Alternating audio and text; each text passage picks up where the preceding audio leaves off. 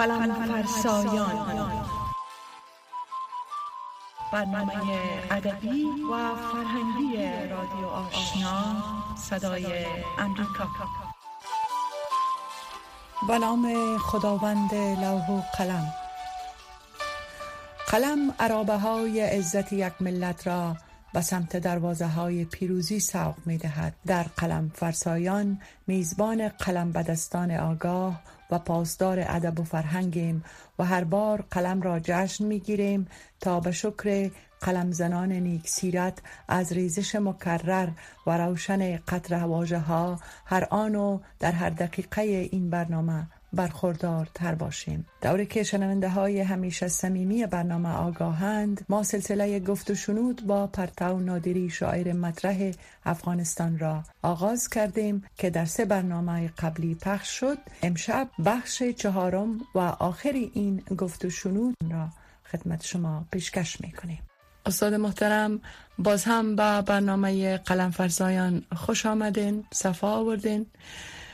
پرسش دیگری که در ذهن من خطور می‌کنه خدمت شما عرض می‌کنم ای که موسیقی بیرونی و موسیقی درونی شعر چیست؟ موسیقی بیرونی شعر تا چه حد حایز اهمیت است؟ و لطفا بفرمایید که چی عوامل در موسیقی درونی شعر موثر است؟ اگر ممکن است مثال بزنین تا شاعران جوانتر هم بهره بهینه ببرند. بحثی موسیقی و شعر یا موسیقی در شعر یک بحث بسیار گسترده است. در این ارتباط دانشمند ایرانی دکتر شفی کتکنی کتابی بسیار بزرگی دارد برای موسیقی شعر. ولی یک نکته را که توجه کنیم این است که شما در تمام جهان هیچ قومی را و هیچ مردمی را سراغ ندارین که موسیقی نداشته باشند یعنی موسیقی خود را نداشته باشند. و به همین گونه هیچ قوم و مردمی را پیدا کرده نمی توانید که اونها شعر خود را نداشته باشند.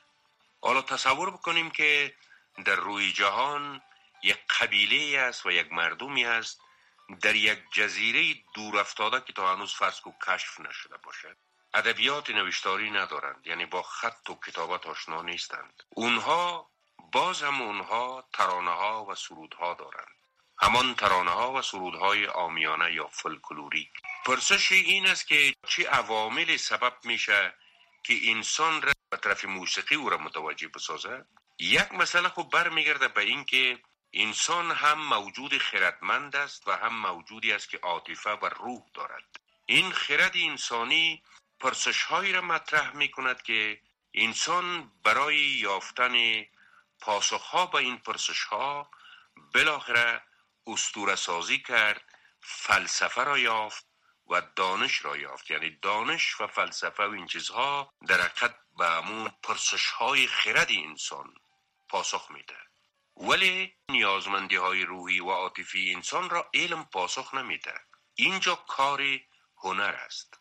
گفته می شود که همان عواملی که سبب کشش انسان به سوی موسیقی شد به سوی شعر هم شده است. یعنی همان عوامل انسان را وادار واداشت تا شعر بسراید یا کلام ریتمیک و موزون بسراید که از کلام عادی فرق داشته باشد. از همینجا پیوند موسیقی و شعر هم بسیار استوار است. حالا ما در این رابطه بحث نداریم که چون هنر هنر موسیقی یک هنر علیده است و شعر هنری علایده است. اینکه اینها چگونه باز با هم یک جا شدن و ما امروز آهنگ میشنویم که در حقیقت مجموعه از صوت است و آواز است و ترکیبی اینها در یک ساختار است. این حالا مسئله دیگه است. موسیقی شعر یعنی چیزی که موسیقی که در خود شعر وجود دارد. همان گونه که شما در پرسش خود مطرح کردین به گونه عمده یا در گام نخست موسیقی شعر به دو بخش تقسیم می‌کنن. یکی موسیقی بیرونی شعر است یکی هم موسیقی درونی شعر است.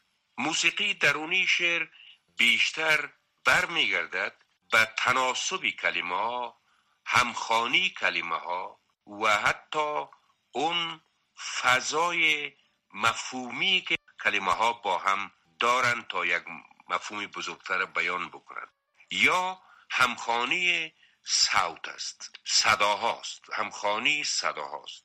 مثلا حافظ میگه شکر شکن شوند همه توتیان هند. شما حالا می‌بینین که در این مصرا این آمدن یک صدای, صدای شین در آغاز واژه ها خود یک موسیقی ایجاد می‌کنه شکر شکن شوند همه توتیان هند. این فقط از کجا پیدا شد؟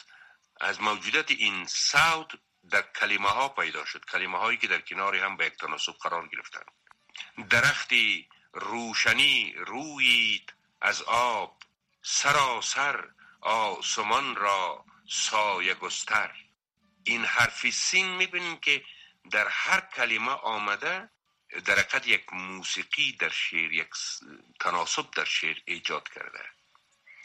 و البته این سخن را هم در نظر داشته باشیم که چنین چیزی در شعر باید به صورت طبیعی ظاهر شود. نه اینکه شاعر در آن لحظه ای که شعر می سراید بیشنه که کلمه ها را چگونه پیدا کنه که اونها با هم یک صوت ایجاد کنند. ذهن شاعرانه باید در اثر ممارست و تمرین و آن قدرت تخیلی که شاعر دارد باید این کار را به صورت اتوماتیک انجام بدهد. چون وقتی که شما شعر می در اون زمان همه ترکیب همه به صورت یک کمپوزیسیون یا یک ترکیب بیرون میشه. نمیشه برای کلمات اندیشید برای وزن جدا اندیشید و برای مسائل دیگرش جدا اندیشید. تناسب مفاهیم کلمه هم در کنار هم در قد به مفهوم یک موسیقی در در شعر است. مسئله دیگر هم که در پرسش شما آمده موسیقی بیرونی شعر است که این موسیقی بیرونی چیست؟ در پیوند به موسیقی بیرونی شعر می توان گفت که یکی از اجزای آن خود وزن است. وزن گونه موسیقایی در شعر ایجاد می کند و مسئله دیگر اینجا کاربرد قافیه است قافیه ها که به صورت امو سنتی که همیشه ما انتظار داریم در پایان شعر بیاید در حقیقت ما را به یک انجام میرساند و هم ما را منتظر به تکرار اون می‌سازد که این تکرار قافیه هم در حقیقت تکرار وزن بیان می‌کنه و امروزه باور همی است که این قافیه هم جز وزن شعر است. حالا بسیاری از شاعران ما تنها به همون قافیه کناری بگوییم یعنی قافیه هایی که در آخر مصرع می آید یا در مصرع دومی هر بیت تکرار میشه او را قافیه کناری میگن. و یکی هم قافیه هایی است که در درون مصرع ها هست. یگانه شاعری که بیشتر به این مسئله توجه کرده مولانا جلال الدین محمد بلخی است. مولانا یک قدر که شعرهایش پرتنین هست و دلنشین هست و خیال انگیز هست یک دلیلش هم گستردگی وزن در شعرهای از او است. بله. تحقیقاتی که صورت گرفتم میگن که از 22 وزن گوناگون استفاده کرده. در حال که حافظه میگن مجموع شعراش در دوازده وزن سروده شده. در شعرهای مولانا اون قافیه های درونی هم به کار می که اما موسیقایی شعر بسیار بلند می‌بره مثلا در یکی از غزلایش میگه یار مرا غار مرا عشق جگرخوار مرا یار توی غار توی خواجه نگهدار مرا روح توی نوح توی فاتح و مفتوح توی سینه مشروع توی بردری اسرار مرا قطره توی بر توی لطف توی قهر توی قند توی زر توی بیش میازار مرا هجره خورشید توی خانه ناهید توی روزه و امید توی راه دی ایار مرا. هجره خورشید توی خانه ناهید توی روزه امید توی راه دی ایار مرا. روز توی روزه توی حاصلی یوزه توی آب توی کوزه توی آب دی ایار مرا. حالا همین همین گوره در مثلا ای یوسفی خوشنامی ما خوش می روی بر ما ای بردریده دامی ما. این گونه غزل ها در شعر مولانا بسیار زیاد است که بیشتر این مسائل مربوط میشه به موسیقایی یا موسیقی بیرونی بیرونی شعر. به هر حال در مورد موجودیت موسیقی در شعر آنقدر با اهمیت تلقی کردن که گاهی گفتن که از این نقطه نظر شعر گونه موسیقی کلمه ها و لفظ هاست شما اگر دو شعری را که در یک وزن واحد سروده شده باشد و اگر شعر از جنبه موسیقایی خود ضعیف باشد می‌بینید که تأثیرگذاریشان متفاوت است. همیشه ما از شعر انتظار شنیدن کلماتی که آهنگهایشان با هم یا بافته شده باشند انتظار داریم. همون همخانی صداها و کلمه ها چی از نظر صدا و چی از نظر معنا اون است که باز او مربوط میشه به مو وزن معذرت می‌خوایم با موسیقی درونی شیر به هر صورت یک مسئله دیگری که گاه گاهی که مطرح می‌شد در شعری سپید البته در شعر نیمایی کاربرد قافیه بیشتر به اختیار شاعر است. یعنی که حتمی نیست که شاعر اونجا قافیه به کار ببرد ولی قافیه ها به کار برده میشه. یعنی یعنی حتمی نیست که به کار برده شود ولی به گونه به کار برده میشه و چون وزن داره شعر نیمایی یک موسیقایی تولید می‌کنه ولی در شعر سپید چون نه قافیه است و نه وزن. پس چیزی که میمونه اون ریتمیک بودن کلام است و از طرف دیگر اون تصویر تصویری سازی بیان است. یعنی بیشتر باید شعر زبانی تصویری پیدا کنند که تا اون کمبودی وزن برطرف شود و در ذهن خواننده تعنیشین شود. چرا عده معتقدند که غزل عمرش تمام شده؟ در حالی که نوی از غزل و یا تغزل صرف عاشقانه است. و تا عشق هست غزل هم نفس خواهد کشید. آیا در شعر سپید بیشتر می شود عاشقانه سرود یا هر دو ارتباط می گیرد به توانمندی سراینده آن سروده. به نظر من حکم صادر کردن و آن هم در پیوند به موضوعاتی هنری و ادبی و حتی اجتماعی بسیار زیاد دشوار است که ما با قاطعیت بر بخیزیم. بگوییم که دیگر دوران غزل سرایی به پایان رسیده. یا بیایم بگوییم که شیر سپید شیر نیست گپ است. یا سخنان از این چیزهای دیگر. یا بیایم بگوییم که اگر شاعر در شعر خود این گونه نگفته باشد دیگر شعر نگفته.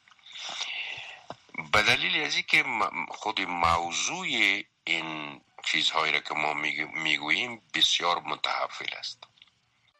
ما دقیقا نمی‌دانیم که ده بیست سال بعد شعر پارسیدری چیگونه خواهد بود؟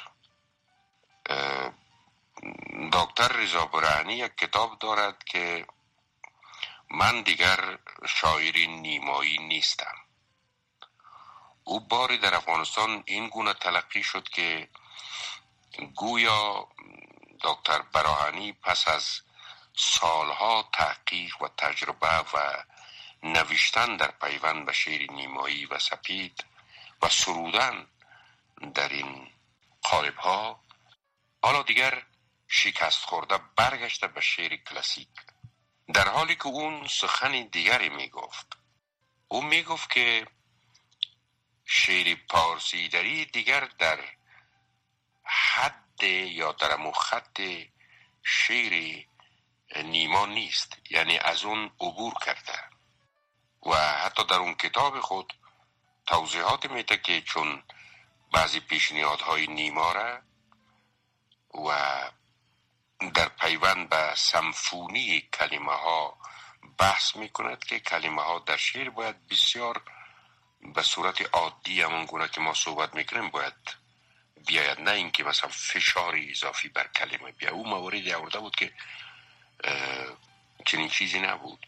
او می‌گفت نیما خودش نیمایی نیست و شیر از اون شیر نیمایی عبور کرده. من حالا شاعر هستم که دیگر شعر نیمایی نمی سرایم یعنی از اون عبور کرده یعنی شعر فارسی از شعر نیمایی عبور کرده. حالا بدونی تردید حالا مثلا شعر سپید دیگه شعر نیمایی نیست در حقیقت. شعر افغانستان یا شعر پارسیدری یا شعر در هر زبانی متحول از با جامعه های پیشرفته و توسعه یافته تولیدات هنریشون به سرعت متحول میشه. غزل درست است که یکی از مو قالب های بسیار قدیم است. البته قدیمتر از قصیده نه دست کم. مثلا حالا بس طولانی میشه که چگونه غزل به وجود آمده. دست کم بگیریم که از همون زمان یعنی از زمان رودکی سمرقندی شما در نظر بگیریم تا حال بوده و نظر به محتوایی که داشته غزلی بوده عاشقانه و تغزلی و بعد عارفانه شده و در روزگار ما غزل هم آمد سیاسی شد. و حالا غزل مدرن به وجود آمده غزل تصویری به وجود آمده که با غزل سنتی بسیار از نظر زبان خود بسیار متفاوت است. حالا غزل های رو ما می‌خوانیم که فقط قالیبش غزل است ولی دیگر در اون مایه اون غزل یک شعر نو است. اتفاقا در 20 سال گذشته در افغانستان نه تنها غزل سرایی افول نکرده بلکه بسیار گسترش پیدا کرده. بسیار زیاد. البته همه این نسل جوانی که غزل سرایی می‌کنن به این مفهوم نیست که همهشان غزل سرایی خوب می‌کنن. خوب همیشه در طول تاریخ ادبیات همین گونه بوده. یک شاخه در سیاهی جنگل و سوی نور فریاد می‌کشد. یعنی همون شاخه روینده تکامل همیشه وجود دارد.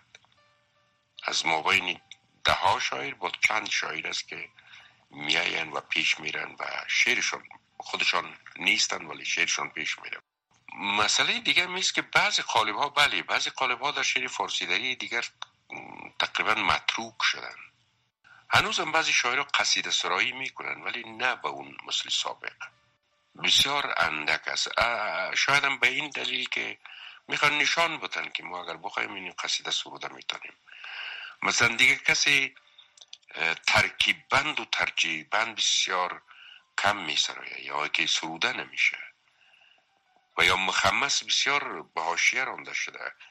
جز یک تعداد شاعران کلاسیک که هنوز مخمس میسرایند یا اینکه بر غزل های شاعران بزرگ مثل حافظ سعدی دل و کسان دیگری مخمس می‌سازه به گفته خودشون تخبیس می‌کنن ولی من فکر می‌کنم که غزل این ظرفیت را داره که همچنان به پیش بیاید. هرچند یک تناقضی در مبین غزل مدرن و قالب این شعر وجود داره که قالب در هر حال سنتی است و شاعر در هر حال پابند قافیه است پابند وزن است.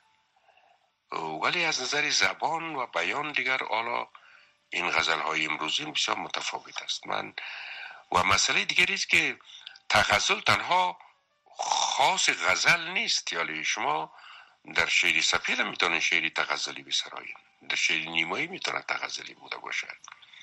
و از یادم نرود که قالب مصنویم همچنان بر جای خود باقی است و شاعران هنوز به مصنوی سرایی توجه دارند.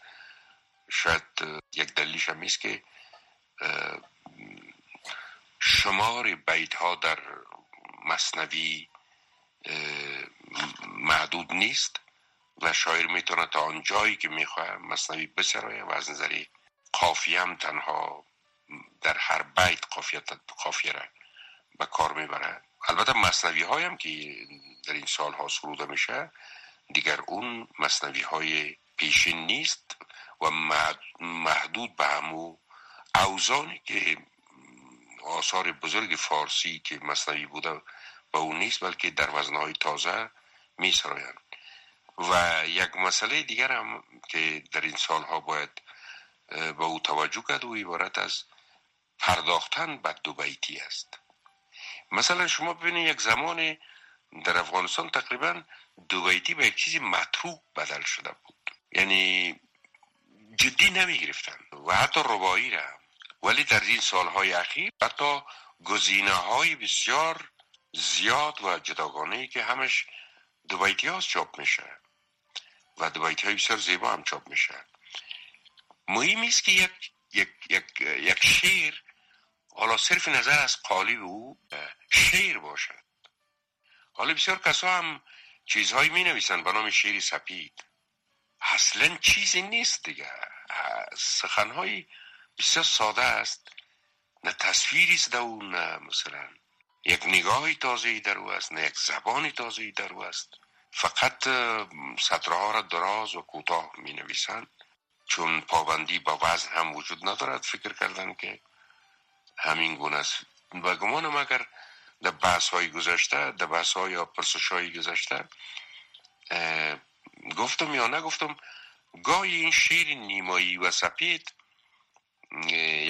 فریبنده هم است بر یک تعداد کسا چون از ذات این گونه شیرها گاهی درست ندارن فکر می‌کنن که همین گونه که بینویسه میشه شیر سپید یا شیر نیمایی یا در هایکو سرایی هایی که می‌کنن فکر می‌کنن خب یک سه ساعت رسمی نویس یک چیزی دیگه در حالی که هایکو یک دنیای دیگری هست که سرودن از او یک امر خیلی خیلی دشوار است.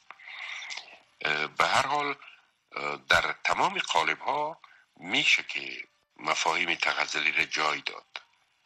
حتی در گذشته ها در گذشته ها خودی بیت های آغازین قصیده هم تغزلی بودن. حالا میشه در دوبایتی موضوعات تغزلی بیان شود در مصنوی بیان شود در شعری سپید بیان شود در شعر نیمایی.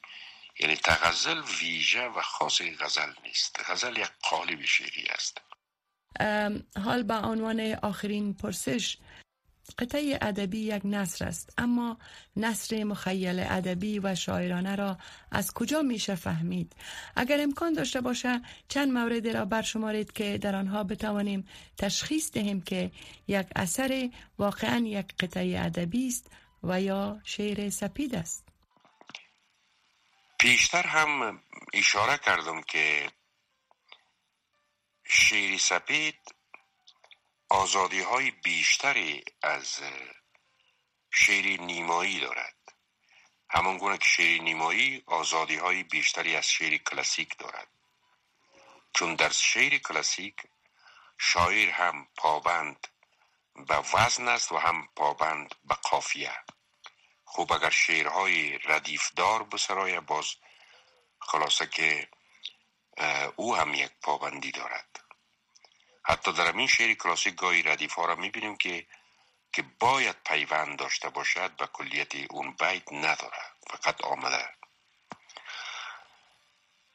ولی در شعر سپید که وزن و قافیه وجود ندارد خب البته گاه گاهی کلمه ها به گونه میه که گونه از قافیه را در زین تدایی می‌کنه او یک مسئله دیگر است. بسیاری ها فکر کردن که شعر سپید سرایش آن بسیار آسان است.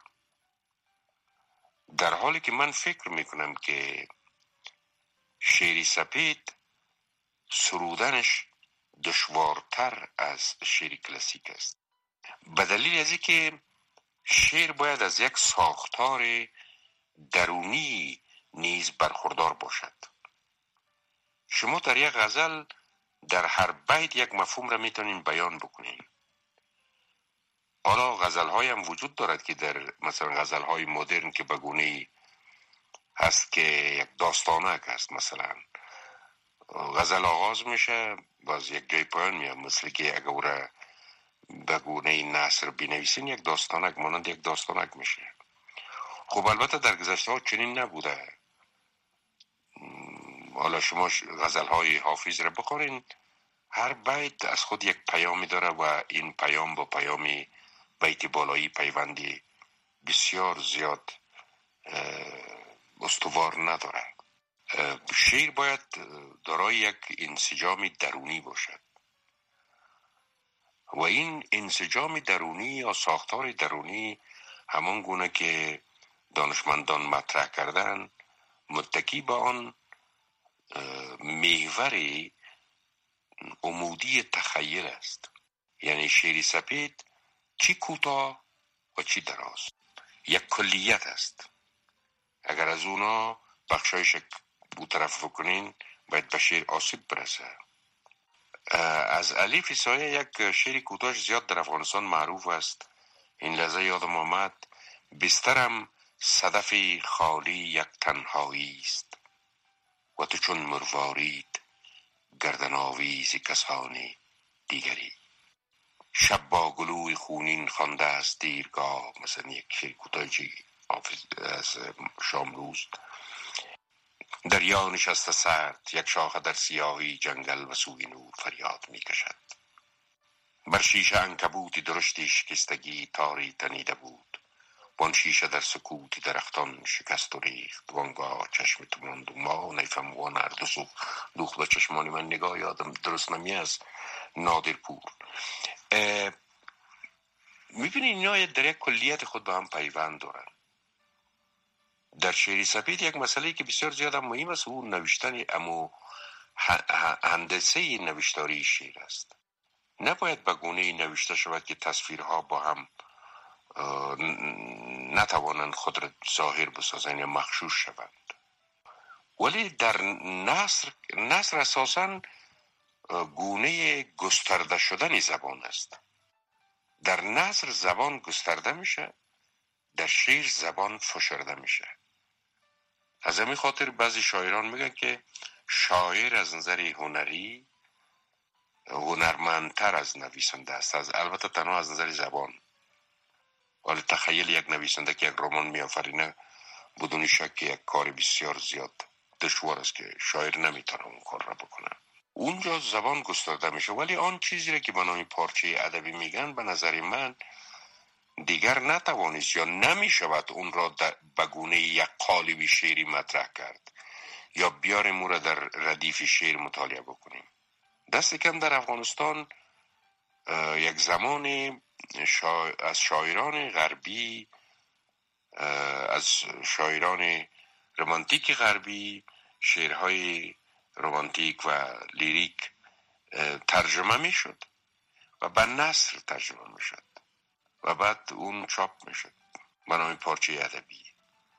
و بعد بعضی کسا با او حساب چیزهایی می نوشتن یک چیزهای رومانتیک می نوشتن به نام پارچه ادبی. ولی این پارچه ادبی نوشته کردن یک چی شد؟ یک تمرینی شد برای بسیاری از شاعران. به طرف رفتن به شعر سپید و شعر نیمایی و این چیزها. هر حال شعر چی منظوم و چی منصور؟ اون منطق شعری خود را داره زبان شعری خود را داره و آن تصویر پردازی های شعری خود را داره. و بله این سخن شما درست است که بسیاری از شعرهای سپیده که آدم می‌خونه در حقیقت یک نصر است که گونه سطرهای دراز و کوتاه زیر و زیر هم نوشته شدن. من در این وقتها در مطبوعات افغانستان چیزهایی به نام پارچه ادبی نمی‌بینم. یک مرحله بوده و گذشته و رفته پشت کار خود. نقطه انجام. پرندوار پرگشود و رفت و شهر آشیانه متروکی است که از زمزمه عاشقانه خالی است و شهر آینه شکسته است که بدبختی در پاره پاره آن لبخند می‌زند. شهر قصیده بلند مصیبت است که مطلع دشوار آن را به نام من سرودند و در قوافی تنگش آزادی من زندانی است. پرندوار پرگشود و رفت و چند برای کبودی آسمان چرخید و چرخید و چرخید و با تمام ستارگانش چنان حلقه برگردن من فرو خلتید پرندوار پرگشود رفت و همه چیز پایان یافت و همه چیز در یک لحظه پایان یافت و من به نقطه انجام رسیدم و من به نقطه انجام